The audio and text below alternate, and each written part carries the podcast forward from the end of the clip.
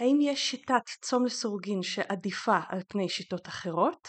אנחנו הולכים בפרק הזה לגלות גם מהן שיטות הצום לסירוגין השונות וגם מה מהן עדיפה אם בכלל. ברוכים הבאים לפודקאסט תזונה הצעד הבא, שבו תגלו את כל הדברים הכי אפקטיביים וכל מה שעובד בתזונה.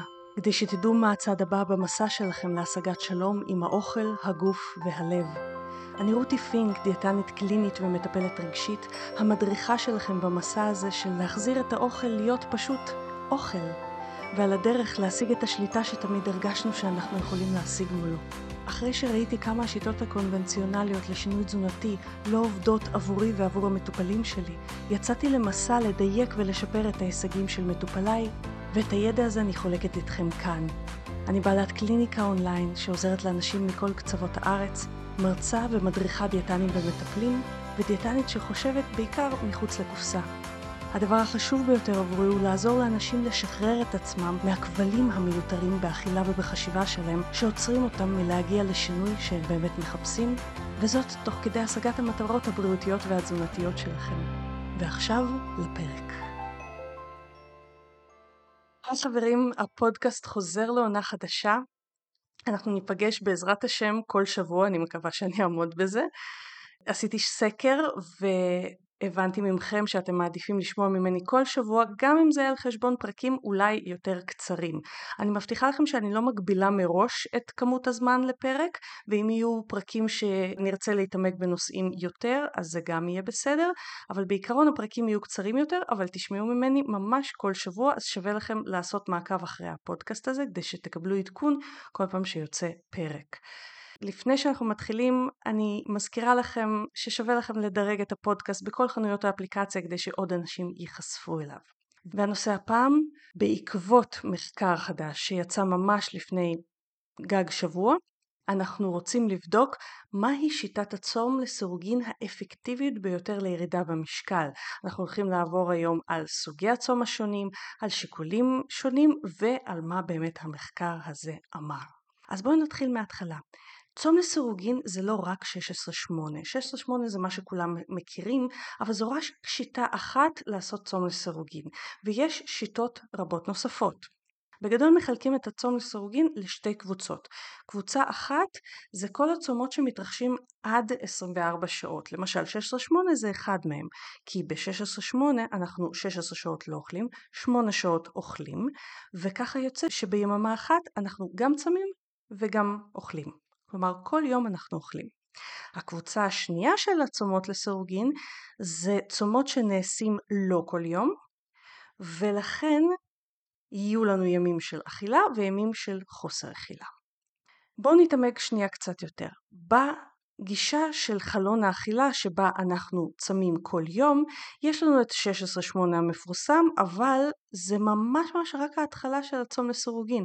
אפשר לעשות את זה 17-7, כלומר 17 שעות צום ו-7 שעות אכילה, 18-6, 19-5 וכן הלאה, עד אפילו למצב שנקרא OMED, שזה קיצור של one meal a day, שבה פשוט אוכלים ארוחה אחת משמעותית גדולה כמובן ביום ובשאר הזמן צמים ותתפלאו לשמוע שיש אנשים שממש ממש נהנים לעשות את זה. אז זה בקבוצת הצומות של חלון האכילה.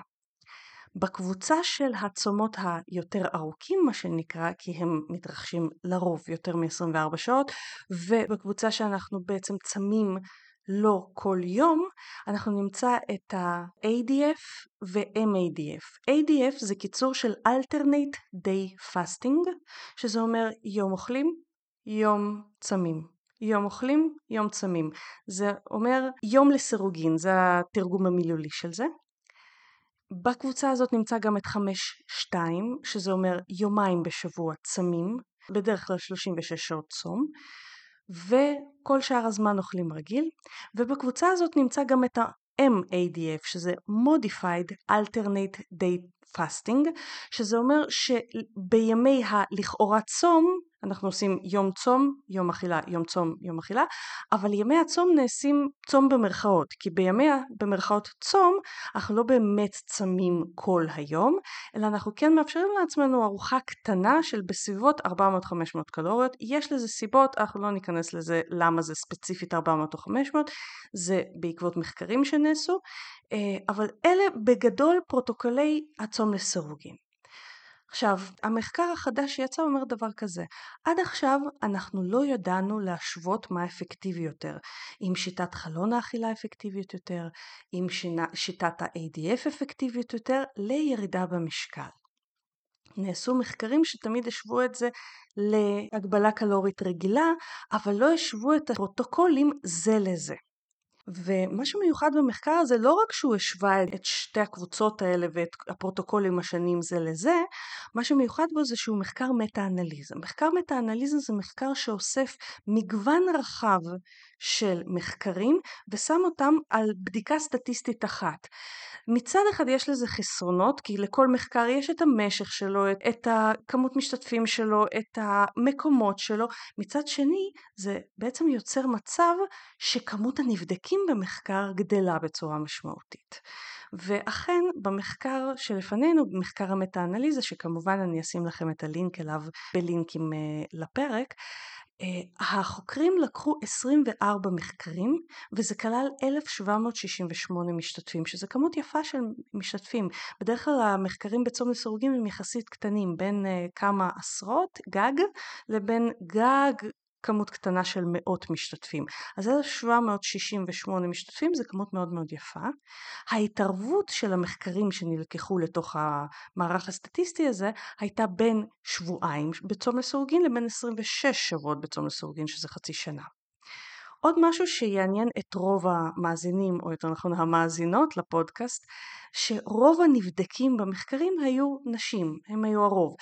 היו גם גברים במחקרים, אבל הם היו המיעוט במחקר הזה. המחקר הזה בדק את כל ה-24 מחקרים האלה, הוא בדק הרבה יותר מחקרים אבל הרבה מחקרים לא התאימו להפקת נתונים מהם. אז המחקר הזה בדק את ה-24 מחקרים שכן התאימו להפקת נתונים מהם, שבכל מחקר כזה השוו בין צום לסירוגין לבין דיאטה דלת קלוריות סטנדרטית, והוא אמר אוקיי בואו עכשיו נשווה תכלס את כל סוגי הצומות האלה. אז התוצאות היו כאלה. צום ADF, alternate day fasting, וצום MADF היו במקום הראשון באפקטיביות בהורדת משקל. עכשיו, כמה בפועל זה יצא? הם הורידו משקל בין 0.77% מהמשקל ההתחלתי לבין 13% מהמשקל ההתחלתי, שזה מאוד מאוד יפה. הבא בתור היה 5.2 שזה עדיין בפרוטוקולים הלא יומיומיים. הוא הוריד בין 1.7% ל-8% מהמשקל ההתחלתי של הנבדקים.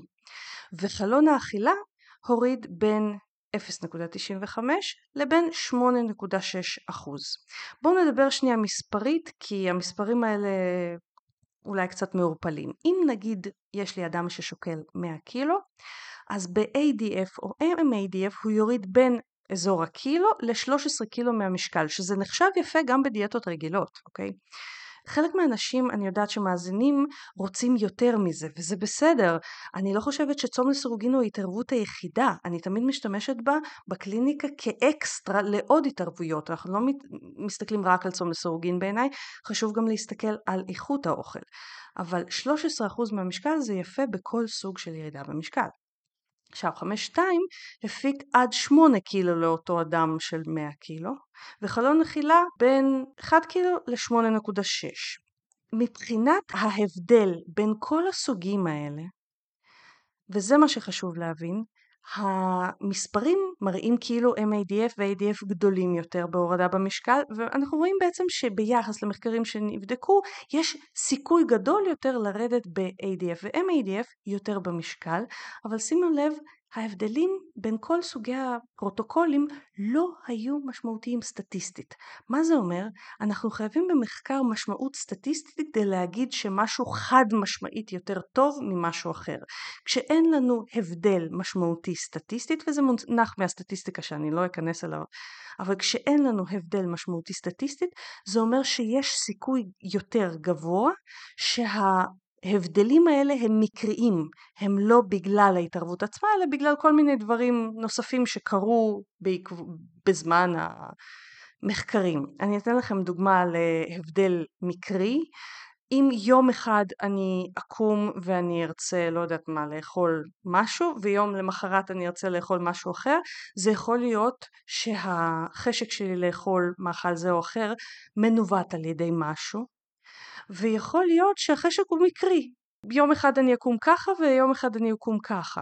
אם הוא מנווט על ידי משהו, אם משהו משפיע לי על זה, אני רוצה לדעת שזה דבר שמשפיע לי על זה, ואם אני אעשה מחקר על עצמי נגיד, אני ארצה בכל הפעמים שאני קמה בבוקר, שההבדל בין הימים שאני קמה כשאני רוצה דבר אחד לדבר אחר יהיה משמעותי סטטיסטית. אחרת, אני אומרת, ייתכן מאוד שההבדלים האלה מקריים. אז כשאני אומרת שלא הייתה משמעות סטטיסטית זה אומר שזה נראה טוב המספרים האלה וזה נראה ש-ADF יותר משמעותית תורם לירידה במשקל אבל לא בטוח בכלל שזה בגלל ה-ADF יכול להיות שההבדל הוא מקרי. אני תכף אדבר איתכם מה כל המחקר הזה בעצם, מה אנחנו יכולים להסיק ממנו. אבל דבר הנוסף שאני רוצה שתדעו מהמחקר הזה, זה שהשוו את כל סוגי הצום לדיאטה דלת קלוריות רגילה, ושוב לא נמצאו הבדלים משמעותיים סטטיסטית. אז מה זה אומר עבורכם? מה אנחנו יכולים להשיג פרקטית מכל הדבר הזה? אז דבר ראשון, והדבר החשוב ביותר שחשוב להבין בכלל על צום לסורגין ועל כל סוג של דיאטה, שגירעון קלורי הוא מה שעושה פה הכי הרבה הבדל. כלומר כל סוג של דיאטה שאתם יכולים לעמוד בה ושתעשה לכם גירעון קלורי תפחית לכם במשקל. וההבדלים לא יהיו מספיק משמעותיים סטטיסטית. זה דבר ראשון. דבר שני, האם יש בכוח המחקר הזה להגיד שצום לסירוגין לא עובד? לא, ממש לא. בכוח המחקר הזה להגיד להפך, זה עובד כמו דיאטות נוספות. רק שאני מזכירה לכם, במחקרים על צום לסירוגין לא מתערבים באיכות האוכל, בדיאטות כן מתערבים באיכות האוכל. כלומר, אדם שמסתמך רק על צום לסירוגין לירידה במשקל, לפי המחקרים האלה, אני תכף אגיד לכם מה אני רואה בקליניקה, אבל לפי המחקרים האלה הוא עתיד לקבל אותן תוצאות כמו ירידה במשקל רגילה, שזה חדשות טובות למי שלא רוצה יותר מדי לשנות את איכות האוכל. מה שאני בפועל רואה בקליניקה זה שאלה שלא מצליחים לרדת במשקל בעזרת צום לסירוגין, הם צריכים לעשות שינוי בפרוטוקול שלהם בצורה שיביא אותם לגירעון קלורי. או שהם צריכים לעשות שינוי באיכות האכילה שלהם בצורה שתביא לגירעון קלורי, כי בלי גירעון קלורי חברים אנחנו לא נתקדם לירידה במשקל, וזה פרק שבאמת עוסק בעיקר בירידה במשקל. נשאלת גם השאלה, אוקיי, אז למה לסבול? למה לעשות צום לסירוגין? והתשובה היא כי לצום לסירוגין יש יתרונות. למשל, אם אנחנו עושים את הצום לסירוגין בפרוטוקול נכון, וצריך להתאים את הפרוטוקול לבן אדם, ולא כולם ב-16-8 יפיקו את מה שאני מיד הולכת להגיד לכם. אז אם אנחנו עושים את הצום לסירוגין באחד מהפרוטוקולים האלה, אבל זה פרוטוקול שהותאם לנו, אנחנו חווים משהו שנקרא ויסות תיאבון. יש לנו ממש ירידה מעצמנו ברצון לאכול כמויות גדולות ואפילו בחשקים, אני רואה את זה שוב ושוב בקליניקה, אבל שימו לב זה תלוי פרוטוקול מתאים, כי 16-8 למשל אצלי זה לא עושה שום ויסות תיאבון. אצל אה, יוסי השכן, לא יודעת מה, אין לי שכן יוסי, אבל אצל יוסי השכן זה דווקא כן יכול לעשות ויסות תיאבון, אז זה מאוד מאוד אישי. אבל ברגע שאנחנו בפרוטוקול המתאים לנו, ואנחנו חווים את ויסות התיאבון, הרצון לאכול פחות נובע מאיתנו, הוא לא נובע מהגבלה חיצונית, הוא ממש, הגוף שלנו מבקש לאכול פחות. וזה אס מאוד מאוד גדול של צום לסירוגין. אז כן, נכון שלכאורה בצום לסירוגין אנחנו צמים, אבל כשאנחנו כבר אוכלים אנחנו יכולים לסמוך הרבה יותר על הגוף שלנו כשאנחנו בפרוטוקול המתאים של הצום, וכמובן כשזה לא מסכן אותנו. צום לסירוגין לעומת דיאטה רגילה, אם אנחנו מסתמכים רק עליו, ששוב, אני לא חושבת שזו הגישה הנכונה ביותר, אבל נניח שאנחנו מסתמכים רק עליו, כי יש כאלה שזה מספיק בשביל להצליח עבורם, זה יוצר פחות התעסקות. תחשבו למשל על ADF שבו יום שלם אני לא אוכל, אני לא מתעסק לא עם אוכל, לא עם כלים, לא עם כלום. זה מאוד מאוד משחרר את החשיבה לאנשים עסוקים, לאנשים שאין להם כוח או חשק לבשל.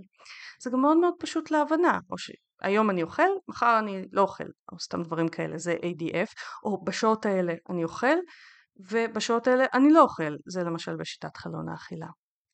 עכשיו, בעיניי האס הגדול ביותר של צום לסירוגין זה שעצם המנוחה הזאת מהאוכל מאפשרת לנו להתמודד ולהיות קשובים יותר אל סימני הגוף שלנו. למשל, כשאנחנו צמים אפילו 16 שעות ואז אנחנו מתחילים לאכול, קודם כל בלוטות הטעם הרבה יותר רגישות והגוף מאותת לנו הרבה יותר מדויק מה אנחנו רוצים ומה אנחנו לא רוצים. הדבר השני הוא שאתה באמת יודע לזהות מה זה רעב. כי כשאתה לא אוכל הרבה שעות אתה באמת יודע, אה, ah, זה רעב, אוקיי? מעבר לזה שזה מוריד את הפחד מהרעב, אנחנו מתמודדים כל יום עם אותו פחד ובסוף הוא מתחיל להירגע. למרות שאני אוהבת uh, בדרך כלל לעבוד מראש על הפחתת הפחד uh, מצום באנשים שאנחנו מחליטים ביחד שאנחנו נלך איתם לצום לסירוגין. אה, וצום לסירוגין כמובן גם חוסך זמן מכל ההתעסקויות. עכשיו, חשוב להבין שלצום לסירוגין יש גם חסרונות וסיכונים. למשל, חלק מהאנשים יכולים להגיע לתת תזונה. תת תזונה לא בכמות קלוריות כמו שבוויטמינים ומינרלים וחלבון. זו הסיבה שאני חושבת שצום לסירוגין כן צריך לעשות בהנחיית איש מקצוע וגם במקביל לזה ללמוד מספיק על הצום לסירוגין. אה, צום לסירוגין במיוחד אם לא עושים אותו כמו שצריך יכול ליצור ירידה באיכות האימונים שלנו. הוא יכול גם לעודד אולי, לא, אין על זה מחקרים מספיק מהימנים, אבל ייתכן שהוא יכול לעודד הפרעות אכילה באנשים שמראש מועדים לזה, אה, ובגלל זה אני מאוד מאוד אוהבת לדבר עם הבן אדם לפני שאני אומרת לו, אה ah, טוב נלך לצום לסירוגין. אה, יש גם סיכונים לאנשים שלוקחים טיפול תרופתי, לאנשים שחווים נפילות סוכר, זה לא שאסור להם לעשות את זה, פשוט צריך לדעת איך לעשות את זה נכון, בבקרה, בהכנה מראש בכניסה מתאימה לצום לסירוגין כי יש הרבה צורות להיכנס לצום לסירוגין אפשר להיכנס בבום טראח וזה מתאים יותר לאנשים שהגוף שלהם מסוגל לעמוד בתנודות האוכל האלה. אפשר להיכנס בהדרגה וצריך לדעת גם איך לא להתייאש שם בהדרגה הזאת. אז יש המון גם חסרונות לצום לסירוגין כמו לכל דיאטה רגילה אבל אחד היתרונות הגדולים הוא פחות התעסקות פחות ספירה פחות טררם. אז מכל מה שאמרתי לכם עד עכשיו חשוב לי להדגיש כמה דברים. אחד, אנחנו רואים שבמספרים זה נראה טוב כאילו ADF באמת אפקטיבי יותר. אני רואה את זה בקליניקה, אנשים שעושים ADF מקבלים לרוב יותר תוצאות, אבל המחקר הזה לא מראה מובהקות סטטיסטית, כלומר ייתכן שזה מקרי לחלוטין. דבר שני, חשוב להבין שהמחקרים האלה כולם מדברים על מה קורה אם אנחנו רק צמים לסירוגין. אבל חלק מהאנשים, ברגע שהם עושים בנוסף לצום לסירוגין אפילו שינויים פיצקיים באוכל שלהם, או בחשיבה שלהם על האוכל, פעם פתאום זה מתחיל לעבוד הרבה יותר חזק. אז חשוב להתייחס גם לאוכל ולא רק לצום לסירוגין כשאתם צמים לסירוגין. וחשוב להתאים את זה עם איש מקצוע שיוודא שאתם נכנסים נכון לפרוטוקול, שאתם לא מסכנים את עצמכם, או לפחות להשיג את כל המידע על מה הסיכונים וכן הלאה. אה, הקורס שלי מעבר לצום לסירוגין, שהוא כולל גם קבוצת אתגר כניסה לצום לסירוגין, והקורס הנוסף שלי שנקרא אכילה לסירוגין שכולל את כל הידע שאתם צריכים כדי להיכנס לסירוגין בצורה בטוחה ובריאה ושלא מסכנת אתכם פתוחים לרישום. הקורס מעבר לצום לסירוגין פתוח לרישום למחזור חדש של אתגר כניסה קבוצתי לצום לסירוגין. שני הלינקים למטה אני רוצה רק בעקבות שאלות להדגיש שמעבר לצום לסירוגין כולל ליווי אבל כולל פחות מידע רחב, הוא כולל רק את הפרקטי, לעומת אכילה לסירוגין זה מידע רחב שאתם ממש ממש תדעו מאלף עד תף איך לנווט את הצום לסירוגין לבד בלי קבוצת תמיכה. זה יותר מתאים אולי לאנשים שמחפשים את הידע או לא צריכים קבוצת תמיכה. אז שניהם פתוחים לרישום. ויש גם הנחת Black Friday עד סוף השבוע הזה, ובנוסף למי שרוצה יחס סופר אישי מוזמן לקליניקה שלנו, כל הפרטים על טיפולים אצלנו בלינקים בביו. אז אני מקווה שנהניתם מהפודקאסט היום. אם מצאתם אותו מועיל, אשמח אם תדרגו אותו באפליקציית הפודקאסטים שלכם, Spotify, Apple או כל דבר אחר, כדי שעוד אנשים יוכלו להיחשף אליו. אם אתם רוצים תכנים רבים נוספים בחינם על אכילה רגשית, התמכרות לאוכל, תזונה דלת פחמות וצום לסירוגין, אתם מוזמנים לאתר שלנו או לאינסטגרם ולפייסבוק שלנו, שהלינקים אליהם מופיעים בהערות לפודקאסט. חשוב להדגיש שהפודקאסט לא מהווה תחליף לייעוץ אישי ונועד לצורכי מידע בלבד. בכל שאלה רפואית או תזונתית יש לפנות ישירות לאיש מקצוע. אנחנו ניפגש בעוד שבוע, ועד אז מזמינה אתכם לשתף אותי מה הצעד הבא שלכם השבוע ליצירת שלום עם האוכל, הגוף והלב שלכם.